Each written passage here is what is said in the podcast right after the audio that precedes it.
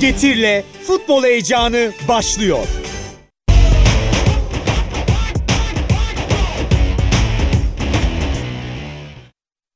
Evet süper futbol tabiri caizse Kadıköy'de süper bir futbol akşamı vardı. 5-4'lük bir skor Emre. Yani ne oldu? Neler yaşandı? Çok enteresandı. Ya 5-4 gerçekten çok nadir gördüğümüz skorlardan biri. Yani 4-3'ler, 4-2'ler, 3-3'ler bunlar daha sık ortaya çıkan bol gollü maç skorları ya da maç e, sonuçları ama 5-4 çok ender. Yani bir sezonda bir ligde bir tane Olursa olur. olursa olur. O da E, oldu. Onu, onu gösterdi Fenerbahçe. Yani Fenerbahçe için sezon başından beri e, sürekli çok atıyor, çok yiyor, çok atıyor, çok yiyor diyoruz ama galiba bu maç e, onun da zirvesi oldu ki yani 9 gollük bir maç mıydı ondan çok emin değilim. Ha, biraz da maçın dinamikleri, biraz savunma hataları, kaleci hataları ya da kalecilerin e, hatalarıyla beraber çok iyi yönünde olmamaları da biraz bu skoru beraberine getirdiği gibi. Çünkü birazdan değiniriz yani Karagümrük'ün e, toplam 6 şutu var. 4'ü isabetli, 4 gol. E, Fenerbahçe'nin daha fazla 16-17 tane şut attılar ama işte kaleyi tutan 9 şuttan e, Fenerbahçe 5 gol çıkardı. Penaltılarla beraber tabii penaltılar da biraz skorun artmasını sağladı. 3 tane penaltı golü var. Her şey bir araya geldi. E, ama yani Fenerbahçe'nin o bol gol atan, bol gol yiyen Karagümrük'ün de Andre Pirlo ile birlikte yani savunmada çok güven vermeyen, hücumda da yani bir şeyler yapabilir denen takımın birleşmesiyle beraber maç dinamikleri, kaleci performansları, savunma hataları vesaire derken çok efektif skorcularla birlikte 9 golü gördük. Ee, yani sezonun şu ana kadarki en enteresan maçlarından biriydi. Bir de hikayeli oldu maç. Yani sürekli bir takım öne geçiyor. e, Ona reaksiyon geliyor. Reaksiyon gösteren takım öne geçiyor. Yakalanıyor, yak- geçiyor, yakalanıyor. 90 artı 5'te işte skoru tayin eden gol geliyor vesaire. Ya bir de içinde hikaye barındıran bir maç oldu. E, bundan daha iyisi olmaz herhalde. Mesela Türkiye ilk Süper Ligi için. hikayeni anlatabiliriz bu maçla ilgili. Bir kere Karagümrük'ün bu zamana kadar sergilediği performansın bir e, başka bir versiyonunu izledik. Yani e, olumlu anlamda söylüyorum. E, çok iyi başlamadılar sezona. Evet. Böyle çok adapte olamadılar.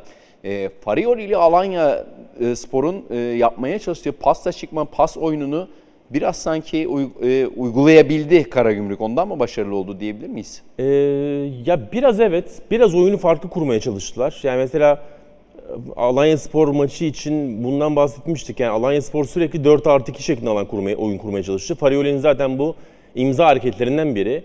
Ee, bunu aslında yapmasının bu kadar tercih etmesinin nedeni 4 artı 2'yi e, kaleciyle beraber yanında yetiştiği teknik adam biraz da. Roberto De Zerbi, Brighton'a gelen hoca. O da 4 artı 2 şeklinde kuruyordu oyunu ama mesela işte teknik adamlar gelişiyor. Evet. Gelişip değişmeyi e, başaran hocalar zaten e, düzenli kalmayı başarıyor ya da işte kendisini e, odaklı tutmayı başarıyor bu oyunda. Mesela Farioli başka bir şey eklemeye çalışmıyor. 4 artı 2 şeklinde devam etmeye e, sürdürüyor. Fenerbahçe'ye karşı onu yaptı. Fenerbahçe'de 4 oyuncuyu gönderdi o 4 oyuncuya. 2 oyuncuyla Crespo Araylo da artı 2'ye çıktı. Gerçekten birebirden hiç oyuncu yani herhangi bir şekilde o eşleşmeyi bozamadı Alanya Spor maç boyunca. Yani Karagümrük için de benzer bir sıkıntı vardı. Andre Pirlo da çünkü geriden oyun kurmayı seven bir teknik adam. Pas oyunu oynamaya çalışan bir teknik adam. Karagümrük'le şu ana kadar bunu yapmaya çalıştı. Ee, aynı şeyi yaparsa dağılır düşüncesi vardı. Ben de bunu zaman zaman dinlendirdim.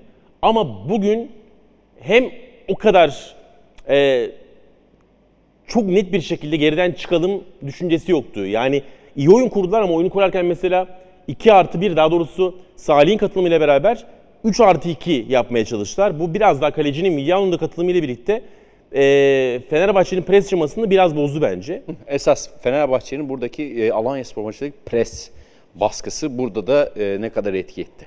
çok etki etmedi. Birinci faktör Karagümrük'ün biraz daha farklı bir şemasının olması. İkinci faktör de bence ya bugün Fenerbahçe'nin enerjisi biraz düşüktü. Yani kazandılar. Ee, 5-4 değil 4-3'e kazanabilirlerdi.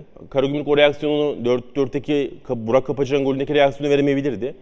Daha rahat bir galibiyet olabilirdi yani 4-3'le beraber. Ama aynı şey yine geçerli olacaktı. Fenerbahçe'nin enerji seviyesi bugün biraz daha düşüktü. Eksikler de vardı bu arada. Arao ve e, Ferdi yoktu. Kadro e, değişikliği durumu söz konusu. Hem öyle hem ne olursa olsun bir maç temposu var Ali Emre.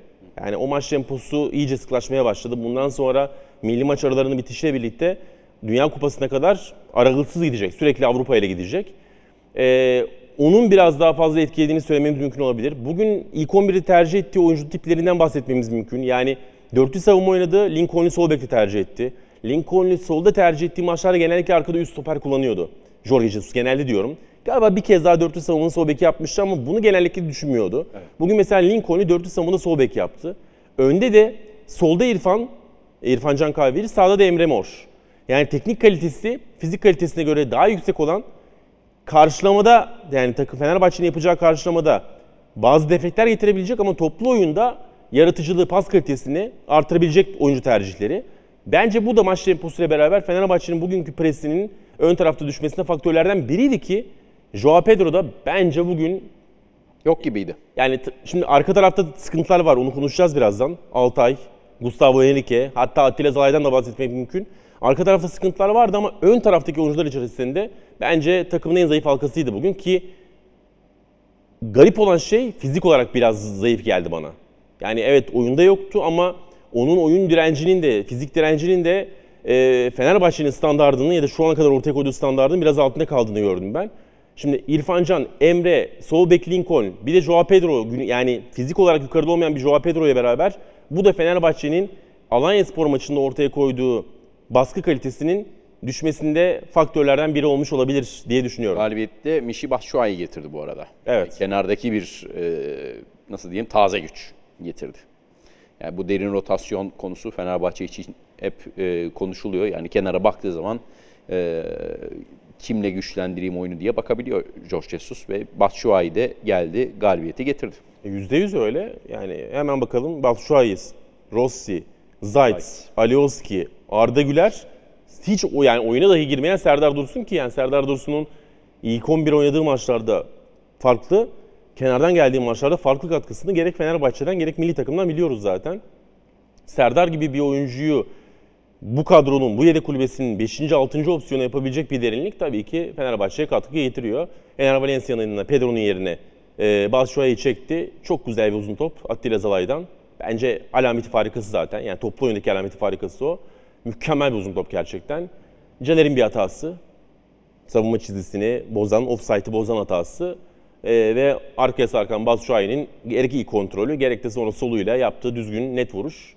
E, Fenerbahçe'ye çok önemli bir iki puan getirdi bence. Bölge bölge konuşuruz ama istersen orta sahadan başlayalım. Bugüne kadar hep Arao, e, Crespo veya Arao, Zayt, Arao, Lincoln gibi e, rotasyonlar gördük. Bugün Arao yoktu.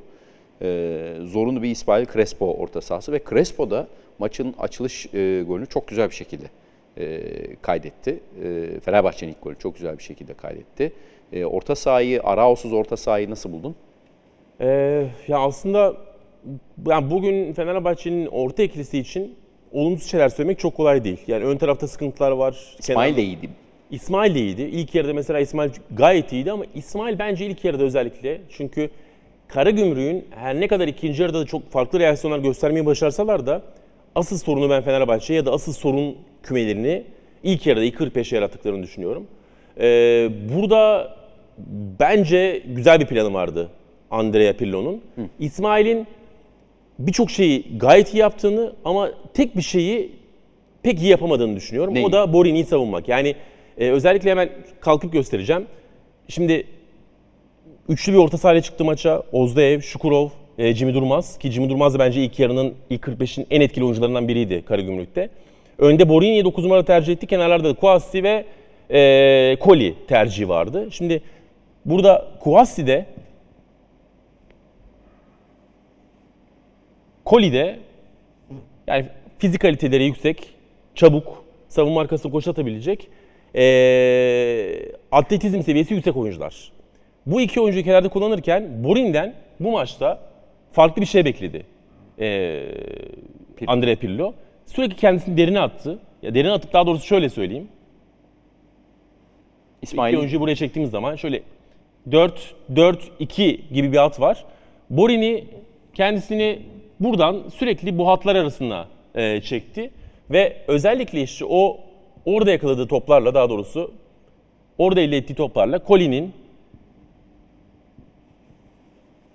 savunma arkası koşularını tam yine çizgide değil de iç koridordan girdiler diyorsun. Evet, Kouassi'nin bek arkasına ve bek stoper arkasına e, arasına attığı koşulları değerlendirme çabası. Borini'nin kendisini derine attığı durumları bence İsmail çok iyi e, süzemedi ya da çok iyi analiz edemedi. E, çok rahat topla buluştu Borini ilk yarıda özellikle ilk yarım saatte. Orada derine gelip topu kendisini gösterip direkt bir şekilde dikine aldığı paslarda sırtı dönük aldı, döndü, servisi yaptı ki yani Kouassi'nin attığı golde ilk yarıda direkt bir şekilde kendisini derine attı. İsmail burada biraz zayıf kaldı. Zala'yı kendi üzerine çekti. Sonrasında topu dönüp attığı anda zaten işte arka tarafta sadece Osayi Samuel ve Gustavo Henrique kalmıştı. Kouassi'nin önüne bıraktığı topla beraber mesela Kouassi karşı karşıya pozisyonda topu ağları yollamayı başardı. Bu durumları savunmakta ben ilk yarıda biraz sıkıntı yaşadığını düşünüyorum İsmail Yüksel'in ama bunun dışında gayet iyiydi ki bu da yani sorun yaratı, yaşayabileceğiniz ya da sorun yaratabilecek bir durum. Borini bunu çok iyi yaptı zaten biliyorsun. E, 4-2-3-1'in forvet arkası olarak da hem Türkiye'de hem geçmiş kariyerinde İtalya'da, İngiltere'de oynamışlığı var. Hatta bazı maçlarda yine İtalya'da orta saha karakterli bir oyuncu rolünde bile kullanılmışlığı olan bir oyuncu Borini. Zaten bu orta sahacılık işlerini yapabilen bir Tam oyuncu. sahte 9 oldu bugün yani. Biraz onu yapmaya çalıştı ilk yarıda. İlk yarıda zaman zaman 3-4 pozisyonu bunu iyi yaptığını gördük. Bir tane gol attırdı. Tehlikeler yarattı. Oraya derine geldiğinde yani bu sadece tabii ki İsmail'in e, sorumluluğunda değil. İşte kendisini derine attığı zaman Zalay'ın ya da zaman zaman, zaman Gustavo'nun çıkıp e, direkt bir şekilde onu döndürmemesi, onu savunması da gerekiyor. Hem stoperler bunu yapamadı. Zalay dediğim gibi o golde mesela eksik kaldı.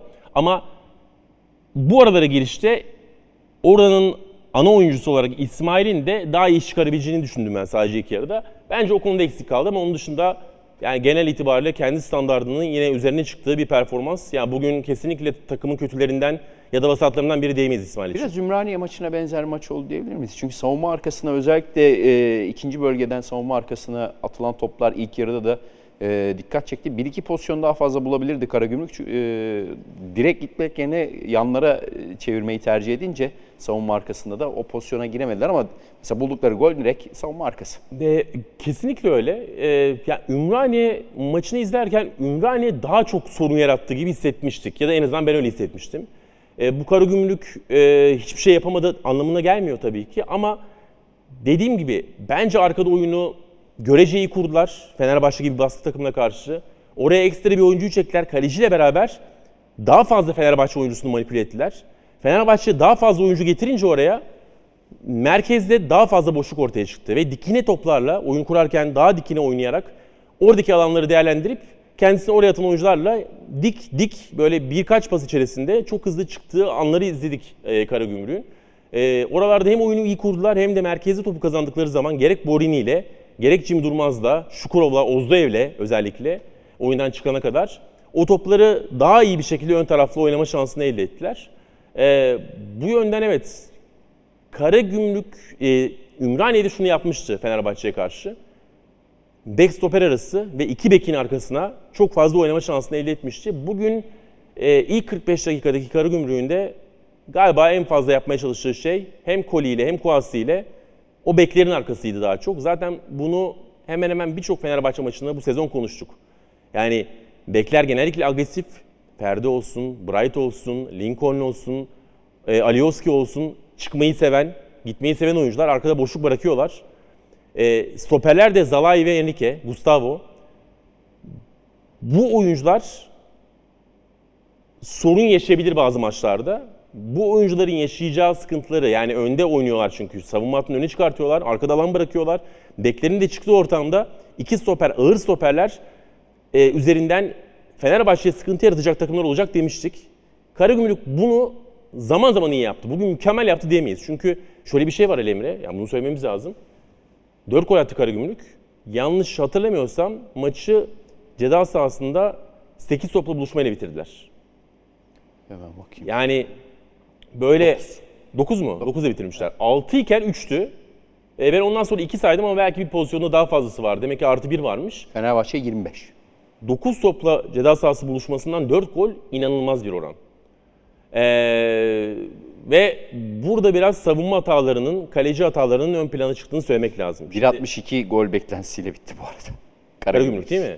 Muhtemelen Fenerbahçe'nin de 2.5-3'ün üzerinde değildir. 85. İşte yani bu zaten o yüzden 9 gollük bir maç değildi çok fazla dedim. Ee, şöyle söyleyeyim. Biraz savunma hataları ve kaleci hataları belirleyici oldu. Karagümrük'ün golleri gol. açısından. Şimdi ilk gol mesela Borin'in attığı gol Gustavo Henrique döndürüyor. Evet. Döndürüp vurduruyor. Orada bir yarım hata var. E, penaltı pozisyonunda Gustavo ile Zalay arkaya kaçırıyor. Gustavo özellikle. Altay'ın çok hatalı bir çıkışı var. Hiç alakası olmaması yani çıkmaması gereken bir pozisyonda. Penaltıyı öyle yapıyor. E, Burak Kapacan attığı son golde Zalay çok kötü yere kafayla yani tehlike bölgesine indiriyor. Basit hatalar var yani. Basit hataları var. Çok fazla var. E, biraz bu da ön plana çıktı. O yüzden e, yani mükemmel bir hücum oyunu oynadı demek çok kolay değil Karagümrük için. Ama bazı Reaksiyon şeyleri, gösterdi. belirli şeyleri iyi yaptılar. Bu Fenerbahçe'nin hatalarıyla birleşince savunmada e, 4 golü getirdi ve toplam 9 golü bir maç ortaya çıktı. Peki e, kanatlar bugün İrfan ve Emre dedin. E, İrfan mesela e, bu zamana kadar sağda kaçıp e, genelde ters ayak oynamaya da çalışıyordu. Bugün solda, sağda Emre ile sık sık yer değiştirdiklerini ben e, dikkat ettim ama Emre Mor biraz sönük geldi bana. Bugün için konuşuyorum tabii. Evet. e, çok iyi değildi. Sezon başında daha iyi maçlarını hatırlıyorum ben. Hatta daha iyi oynarken sahanın en iyilerinden ve biri gibi gözüktüğü maçlardan sonra bir anda takımdan kesildi Emre Mor. Yani Jorge Jesus'un muhtemelen bir düşündüğü var. O rotasyon e, dalgasında, e, fırtınasında Evet. biraz etkilendi. Diğer oyunculara göre sanki son 1-1,5 ayda daha az forma şansı buldu Emre Mor. E, bu da oyuncuyu mutlaka etkilemiştir biraz. E, bugün çok iyi olmadığına katılıyorum. E, Fenerbahçe'nin en iyilerinden biri değildi. Ama ilk 45'te özellikle e, zaman zaman iyi işler yapmaya da çalıştı. Yine savunma görevlerini yerine getirmeye çalıştı. Birkaç pozisyonu gördüm. Direkt Caner'le beraber Caner'i takip ettiği koşular vardı. E, yani Emre kötü oynadı demek son 1-1,5 ayındaki yediği rotasyonu ve yediği bazı kesikleri Haksızlık görünce haksızlık olabilir. Ama kesinlikle iyilerden biri değildi. İrfan nasıldı? Ee, şimdi aslında enteresan çünkü e, genellikle e, hoca 4-4-2 yani işte 4-1-3-2 diyebiliyorsunuz, 4-4-2 diyebiliyorsunuz, 4-2-4 diyebiliyorsunuz.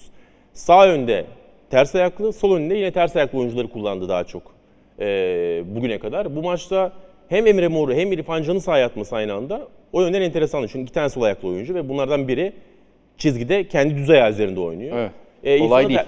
ter- İrfan'ı tercih etmesi çok anormal değil. Çünkü e, İrfan Emre Mor'a göre yetenek seti biraz daha çeşitli olan bir oyuncu.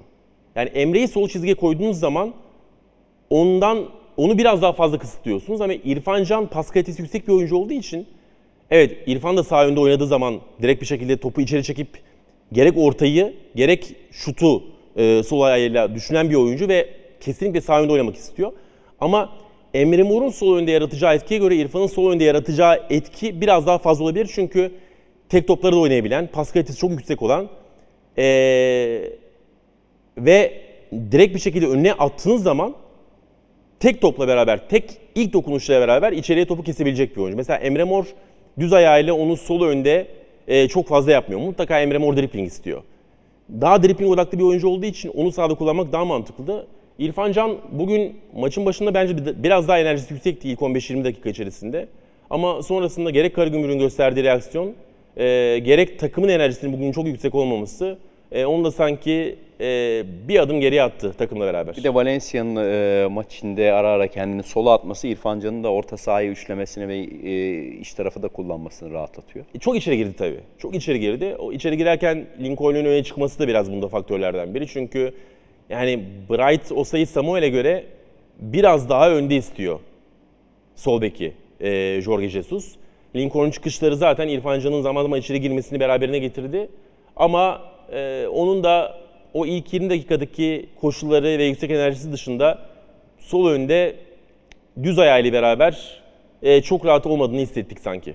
Ya kenarda Alioski varken Lincoln'un hala sol bek oynaması e, önceki haftalarda şöyle yorumladık. Hani oradan bir oyun kuruculuk Bekliyor. bekliyor.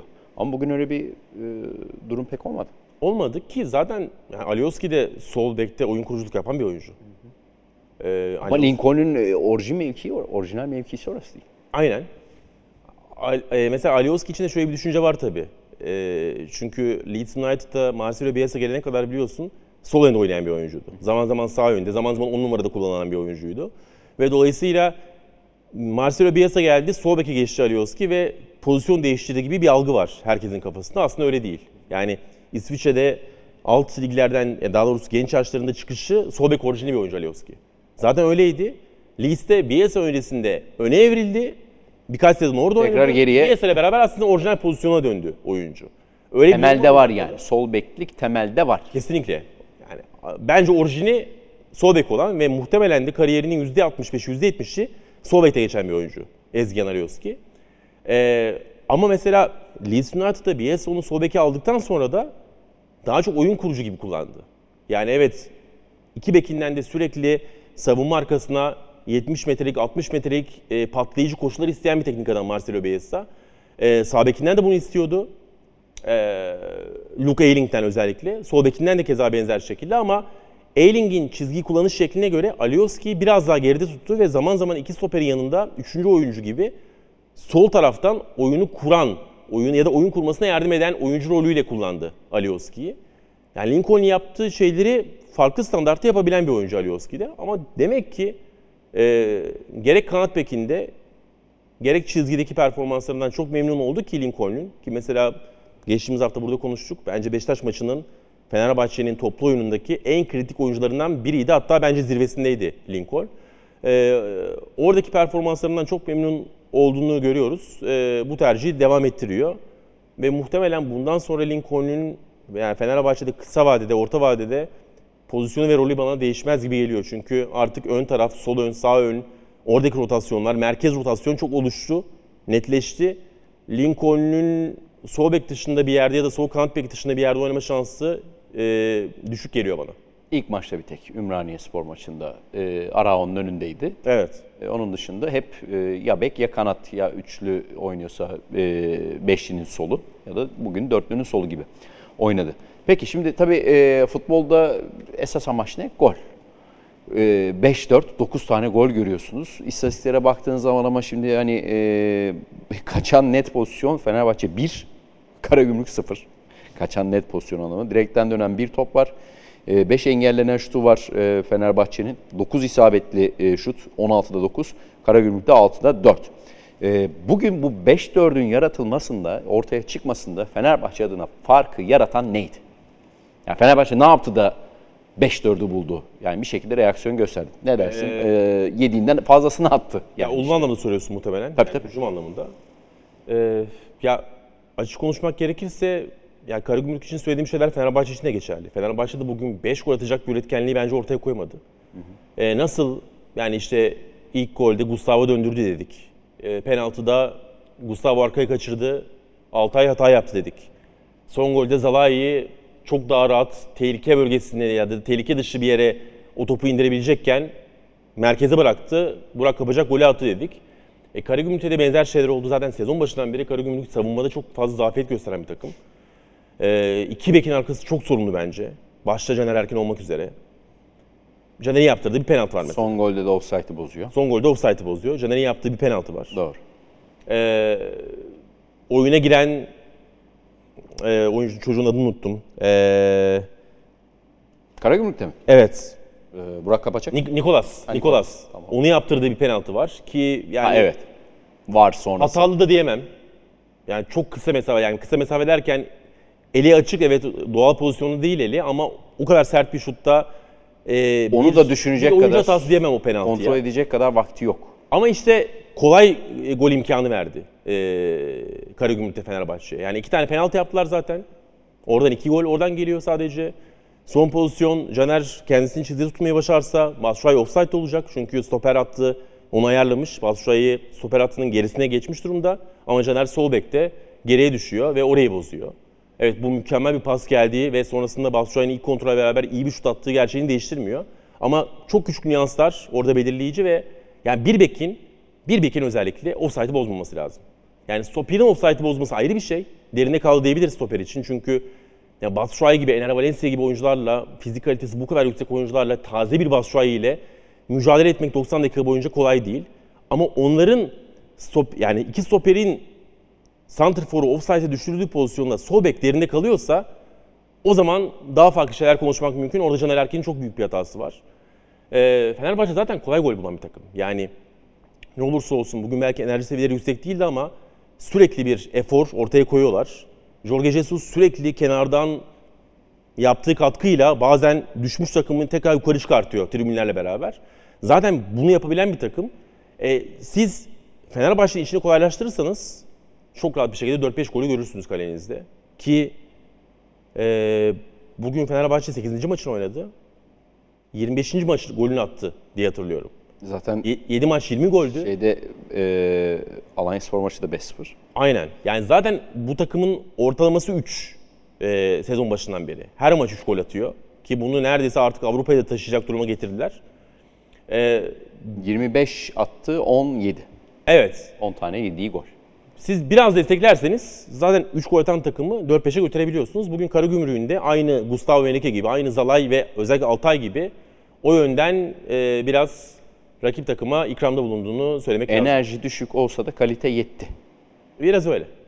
Yani hani e, daha yani bu hatalar silsilesinde e, daha az hata yapan e, Fenerbahçe oldu. Daha çok hata yapan zaten müsait e, bir durumda olan Karagümrük oldu ama ben hani Karagümrük'ün de dediğim gibi e, mücadelesi takdire şayan. E, ben daha hani e, daha düşük bir performans bekliyordum açıkçası. Tamam e, istatistiklere baktığınız zaman sadece 6 şut çekmişler ama öyle pas koridorları yarattılar, öyle pozisyonlar bulmaya müsait e, anlar yaşadılar ki sezon içinde onu da çok e, başlangıç itibariyle yapamıyorlardı sanki. Ama bugün e, Fenerbahçe'nin enerjisinin düşük olması dediğin gibi e, biraz daha fazla etkiledi. Yani şu değerliydi Karagümrük açısından. Şimdi 1-0 geriye düşüyorsunuz. Yani maça yine yüksek giriyor Fenerbahçe. Erken golü buluyor. 1-0 geriye düşüyorsunuz. Orada reaksiyon 1-1. Öne geçiyorsunuz.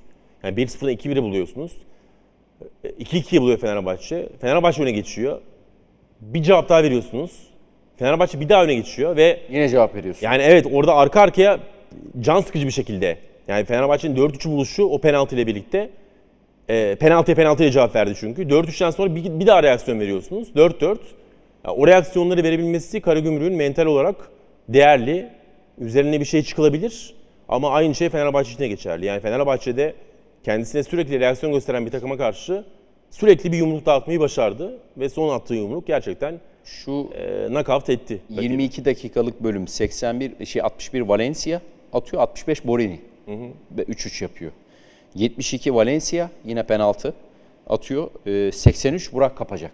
O 61-83 arası 22 dakikalık bölüm çok enteresan. Ee, Dediğin gibi reaksiyonlar, karşılık vermeler, e, birbirine karşılık vermeler çok fazlaydı. Peki e, şöyle bir bakıyorum. Bu arada yani e, top e, pas yüzdesi bakımından Fenerbahçe bu akşam e, 395 toplam pas yapmış mesela. Karagümrük 320. E, isabetli pas 311'e 238. Zaten biraz da bu e, Emre e, e, Fenerbahçe ile alakalı bugün soru işaretlerinden biri olarak değerlendirebilir. Çünkü Karagümrük'e karşı erken üstünlüğü yakalamış. Sonrasında da sürekli rakibin verdiği reaksiyona beraber öne geçmiş. Yani 1-0 öne geçiyor Fenerbahçe. 2-1 geriye düşüyor. 3-2 yapıyor. 4-3 yapıyor. E, sü- sürekli öne geçmiş bir takımın bence oyunu biraz daha iyi kontrol etmesi gerekiyordu bugün. E, ilk 11'de buna yatkındı bence. Yani bunu planladı mı Jorge Jesus bilmiyorum ama yani aslında planladığı şeye ya da çıkardığı 11'e uygun bir maç gidişatı oldu. Maç hikayesi ortaya çıktı. Ee, yani maçın başında aslında bunu söylemeye çalıştım. Şimdi sol bekte tercih ettiğiniz oyuncu Lincoln mesela. Ee, sol önde İrfan Can gibi orta saha karakterli bir oyuncu. Teknik kalitesi yüksek bir oyuncu. Sağ önde Emre Mor. Orta saha karakterli diyemeyiz ama topu alır, tutar ve çok rahat pas yapar. Yani pas kalitesi yüksek bir oyuncu. Ve İsmail Yüksek zaten hazırlık döneminden beri pas kalitesiyle ön plana çıkan bir oyuncu. E, Joao Pedro zaten yani bu işi forvet bölgesinde en iyi yapan oyuncu. 10 numaraya da kayma özelliği var. Aynen. 10 numara orta saha karakterli bir oyuncu neredeyse Joao Pedro. E Crespo da ne olursa olsun bu takımın önemli istasyonlarından biri. Yani Lincoln artı bu beşliyle birlikte Fenerbahçe'nin bu kadar fazla öne geçtiği bir maçta daha rahat pas yapmasını, oyunu daha rahat kontrol etmesini ve daha rahat yaratmasını bekleyebilirdik.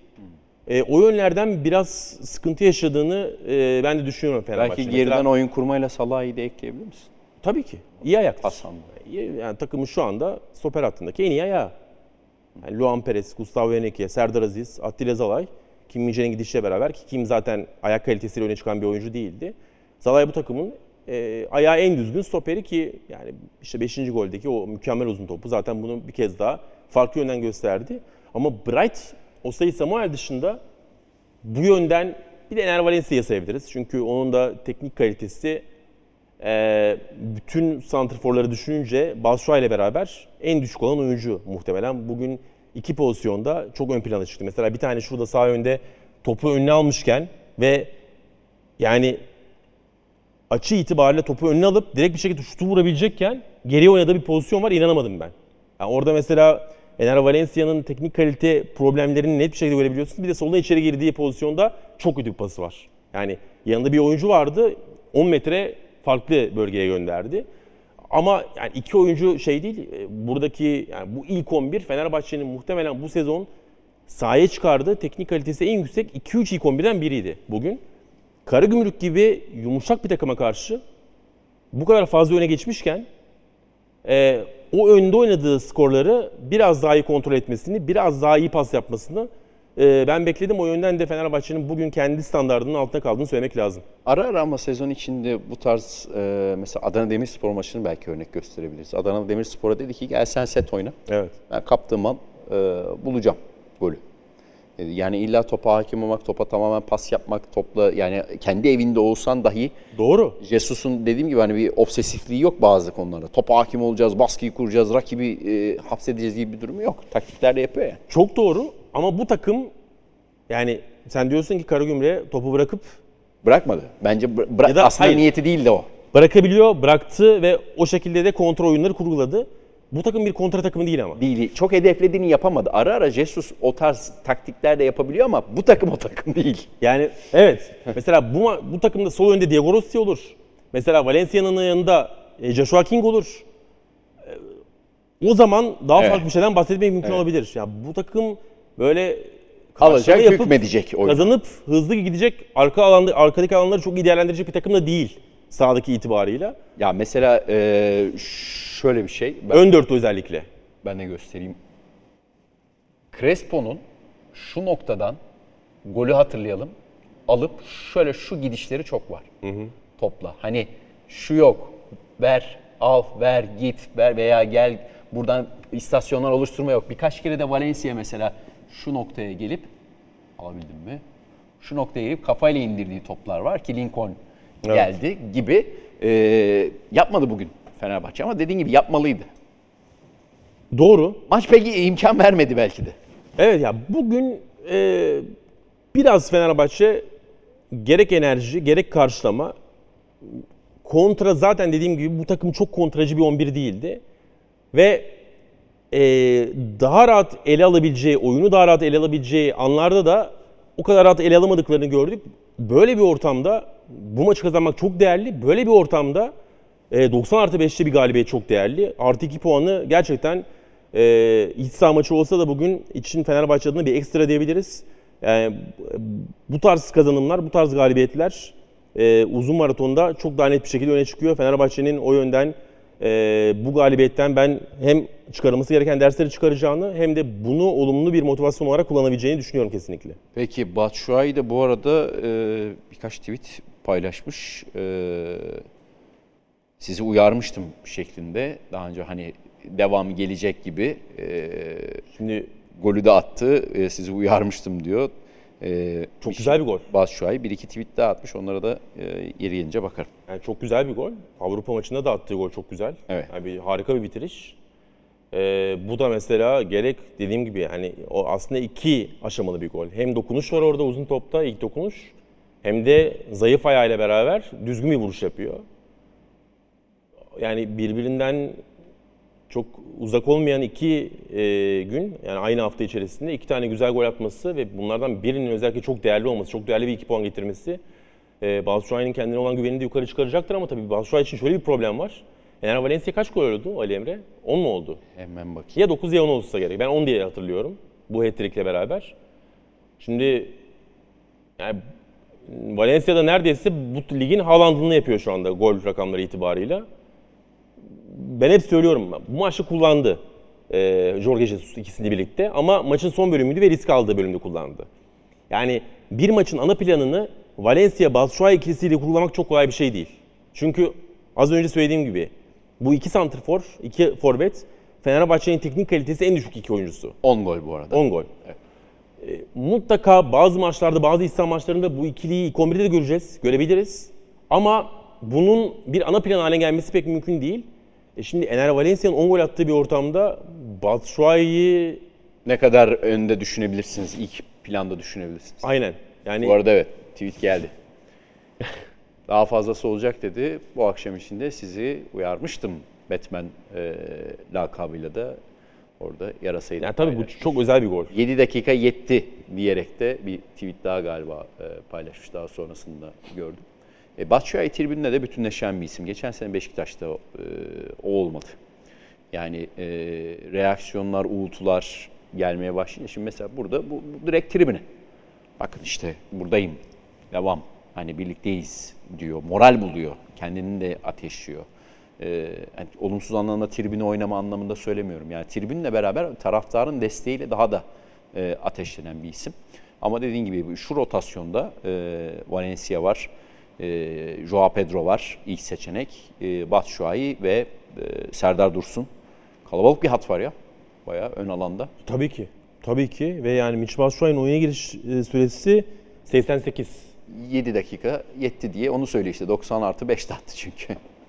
Şimdi yani tabii galibiyeti getirdiği bir ortamda bir şey söylemek çok kolay değil ama Joao Pedro'nun 88 dakika sahada kalması acaba daha erken girebilir miydi? Daha erken girse daha faydalı olur muydu? Ee, muhtemelen Valencia'nın yaptığı ettirik e, Batshuayi'nin biraz bu kadar geç girmesini sağlayan şey diye tahmin ediyorum ben. Dediğim gibi çünkü ikisini birlikte olabildiğince az kullanmak istiyordur bence Jorge Jesus oyuncu tipleri itibarıyla. Ee, ama daha erken girse bugünkü Joao Pedro'nun e, ortaya koyduğu performansa bakınca sanki baskı kalitesini biraz daha yukarı çıkartıp Karagümrük'ün savunmasında e, daha net hakimiyet kurmasında daha erken bir şekilde sağlayabilirdi Fenerbahçe'nin. Ama dediğim gibi 10 gol Valencia'dan e, Batshuayi'nin kısa vadede bu takımın bir numaralı santrfor olma ihtimalini e, düşüren net bir faktör şu anda.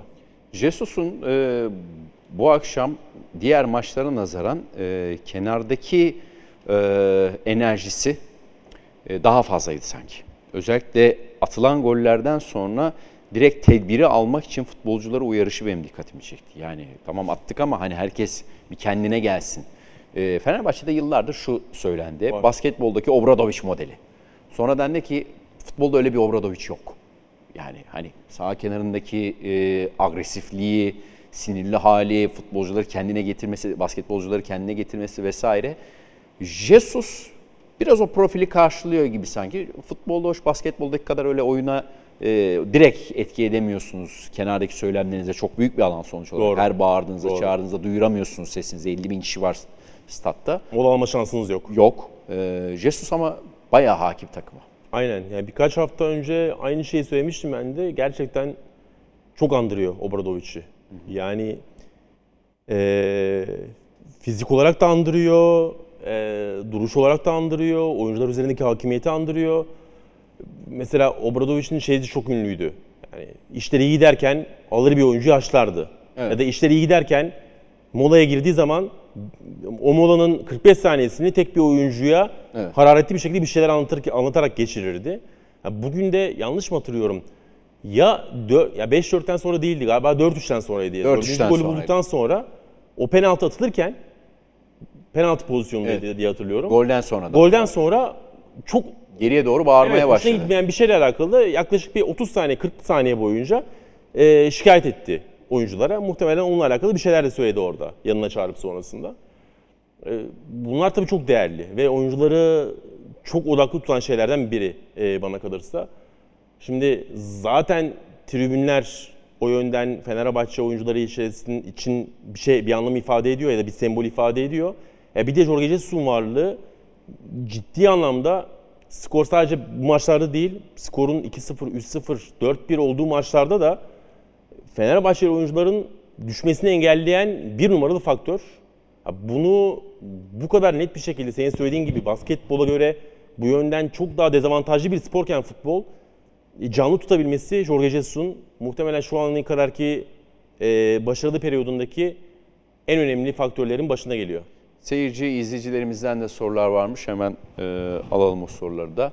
Baver Yücel, Fenerbahçe'nin çok gol atması iyi bir hücum takımı tanımlaması için yeterli mi? Hücum presine ve uzun topa dayalı bir oyun uzun vadede başarı getirir mi? Ee, yeterli değildir, doğru. Ya da e, çok iyi bir hücum takımı olması için daha fazla şeye ihtiyacı olduğunu söyleyebiliriz Fenerbahçe'nin. Ama bizim lig içinde yetersiz de denemez. Denemez. Yani e, Türkiye Süper Ligi'nde bir hücum takımından bahsedebilmek için çok komplike olmaya gerek yok. Yani buradaki takımlardan Arsenal, City, Bayern Münih, zirve Bayern, işte Real Madrid, zirve direkt oyun performansları beklemenin de çok fazla alemi yok. Ee, daha tek ya da iki yönlü, çok yönlü olmayan takımlar ama o bir ya da iki planı çok iyi yapabilen, keskinleştirebilen ama bazı şeyleri yapamayan takımlar da çok iyi bir hücum takımı ya da çok iyi bir savunma takımı olarak değerlendirebilir bizim ligimiz için bence. Fenerbahçe bunun emarelerini veriyor ama eksik ya da geliştirebileceği şeyler yok mu? Tabii ki var. Yani mesela Fenerbahçe'nin eee, hala bir set hücumu eee, konusunda eksiksiz olduğunu söylemek kolay değil. Topu mesela Fenerbahçe bırakıp net bir şekilde presi reddedip Fenerbahçe'nin presini reddedip sürekli uzun vuran ve savunma şeklini alıp derinde bekleyip 5 artı 4 ya da 4 artı 5 şeklinde savunma yapacak e, takımlara karşı Fenerbahçe'nin %70'lerle %75'lerle ne kadar üretken olacağını görmek lazım. Bence bu konuda şu anda eksikleri olan bir takım. Ama buna çok büyük bir şekilde ihtiyaçları var mı bu ligde şampiyon olmak için? E, ona evet diyemem. Peki bir, bir sorumuz daha var onu da görelim. Emre Gökçe, Joao Pedro'nun Valencia'nın gerisinde sahte 9 gibi oynayarak bağlantı özelliğini öne çıkarması daha iyi olmaz mı? E, 10 numaraya kayması ya da. benim de anlamadığım şeylerden biri bu. Yani Joao Pedro'yu gerçekten uçta istiyor. Net santrafor istiyor. Net santrfor gibi istiyor. Bunu gördüğümüz, daha önce gördüğümüz maçlar da vardı. Bu maçta Valencia daha çok yakındı. geziyor sanki. Ee, ben de açık konuşmak gerekirse Fenerbahçe'de Pedro'nun yani bir santrforla beraber daha 4-2-3-1 gibi yarım 10 numara, yarım forvet gibi olacağını düşünmüştüm. Ee, İtalya kariyeri de, Cagliari kariyeri de bize bunu anlatıyor. Ama hocanın istediği şey farklı gibi. Ee, bu şu ana kadar Pedro'nun kendi standartının altında kalmasında faktör müdür? Kesinlikle. Ama Jesus farklı bir şey bekliyorsa biraz zaman vermek lazım. Yani hem hocaya zaman vermek gerekiyor hem de hocanın oyuncudan istediğinden şimdi Pedro'nun son 3-4 yıldaki oyun standartından farklı bir şey bu. Farklı bir rol isteği. Oyuncunun da hocanın isteklerine adapte olması için zaman vermek gerekiyor. Bence hala o zamanın içerisinde ama e, biraz şu yönden şanslı Joshua King. Düzeltiyorum Joao Pedro. Joshua King'in sakatlığı. Tabii. Yani bugün mesela King yedek kulübesinde olsa mutlaka oyuna girerdi yerine. Daha erken oyuna giren oyuncu olurdu. Batshuayi 88 yerine. Ya da hatta Joao Pedro bu performansı gösterirken King'in varlığıyla beraber bazı maçlarda Santrfor'un yanında Joshua King'i kullanırdı. Çünkü sezon başında çok etkili olduğu maçlar oldu King'in. Sakatlık sonrasında onun için bir şanssızlık. Aynı Pedro'nun geri gelmesi sakatlanması gibi. Ee, King'in bu sakatlığı Pedro'nun adaptasyon sürecini biraz kısaltabilir. Ama şu anda işler onun için en azından kısa süreli e, şekilde çok iyi gidiyormuş gibi gözükmüyor. Şimdi Ener Valencia bu arada e, almış topu eve götürmüş maç topunu. Hat-trick. O da yeni şey, Ee, yeni moda. Evet. hat-trick yaptı ama bir de şuna bakıyorum. e, Üçüncü sezonu ilk kez hat-trick yaptı. Öyle mi? Ener Valencia. Şimdi şöyle hemen e, hızlı hızlı geçiyorum. Bu maçtaki Evet Fenerbahçe dublesi, dördüncü kariyerinde. dublesiydi. Şimdi ilk sezonunda bir Kasımpaşa maçı var. Ee, duble. Geçen sezon bir Yeni Malatya Spor mücadelesi var. Bir de 3 maçta da 2 gol atmıştı var. İlk kez hat-trick yapmış oldu. Değil mi? Bu da güzel. 2 iki penaltı e, bir de gol. Topu da almış eve götürmüş. Peki Abi ben güzel hatıra. geldi, geldiğinden beri sahada kaldığı müddetçe hep kendi standartının üzerinde oynayan çok az sayıdaki oyunculardan biri bence Ener Valencia. Ki Dinamo Kiev maçı kırılma maçıdır o ilk Yüzde yüz. şampiyonlar Evet. Ligi Kaçırdığı penaltı, Kesinlikle. uğultular vesaire. Oradan 180 derece yani belki daha farklı bir e, motivasyona girecekken pozitife çevirdi. İşin şu ana kadar da e, iyi bir performans sergiliyor. George Jesus'un da açıklamasını izleyelim sonra yavaş yavaş noktalayalım. 1-0 da olsa, 5-4 de olsa, 10'a 9 da olsa önemi yok. Hedefimize ulaştık ancak eksiklerimizi göz ardı etmeyeceğiz diyor George Jesus. E, son 4 maç, 4-5 maç gol yemedik. Bugün savunma hattı kaleci dahil iyi günümüzde değildik. Aynen. Defanstaki kötü performansta yorgunluğun da etkisi var. Mental yorgunluğun etkisi olduğunu söyleyebilirim. Özellikle Salah için demiş. Demiş. Bir de kaldık. Evet. Yani aslında konuşu, konuştuğumuz şeyleri hemen hemen olumlayan ya da doğrulayan açıklamalar. Ee, çok önemli galibiyet ama hoca da söylüyor yani eksiklerin farkındayız. Muhtemelen sezon başından beri tüm galibiyetler içerisinde en az memnun eden Jorge Jesus'u maçlardan biridir. Belki de ilkidir bu e, galibiyet ama işte üç, bu maçta 3 puan. Alanya Spor 5-0'da 3 puan. Dolayısıyla ana hedefi olduğu için önemli olan tabii ki o ama bu maç olumsuz şeyleri düzeltebilme adına güzel bir rehber. Jorge Jesus onun farkında olduğunu söylüyor ve savunma hattındaki kaleci işte kaleciyle beraber hataları vurguluyor. Ya bugün onların biraz öne çıktığını söyleyebiliriz. İki takım adına da e, bu kadar yüksek skorun çıkmasında bireysel hatalar galiba ön plana çıktı bu maçta. Sanki böyle 13-14 sezon değil mi? Daha çok telaffuz ediliyordu bu Ersun Yanal'ın şampiyon yaptığı dönemde. Yani yediğimizde çok atarsak sorun yok. Hem öyle yani hikayeler de öyle ama genel oyun konsepti de birbirine çok benziyor. Yani e, çok konuştuk. Mehmet Topal'ın orada iki stoperin araya girdiği, Caner Erkin'le Gökhan Gönüllü ileri ittiği denklem. Yani o takım da karşılamayı dörtlü savunma gibi yapan ama hücumu Mehmet Topal'ın iki stoper arasına girmesiyle ve kanat bekleri ne çevirmesiyle Caner'le Gökhan'ı üçlü gibi hücum eden bir takımdı. Hemen hemen aynı şeyler. Tabii çok fark var. Çünkü 10 yılda futbol yerinde durmadı ve toplu oyunda, topsuz oyunda değişen çok fazla şey var. Ama iki Fenerbahçe'de o rakibi dörtlü karşılıyor ve genellikle üçlü oyun kuruyor, üçlü hücum ediyor. Doğru. Ve yüksek enerjiyle, eforla, önde baskıyla oynuyor. Yani bunları yapış şekli çok farklı olabilir ama genel konsept 2013-14, 22-23 aynı gözüküyor şu ana kadar. Benzer diyorsun. Peki o zaman ağzına sağlık. Senin de. Teşekkür ediyoruz değerli yorumların için.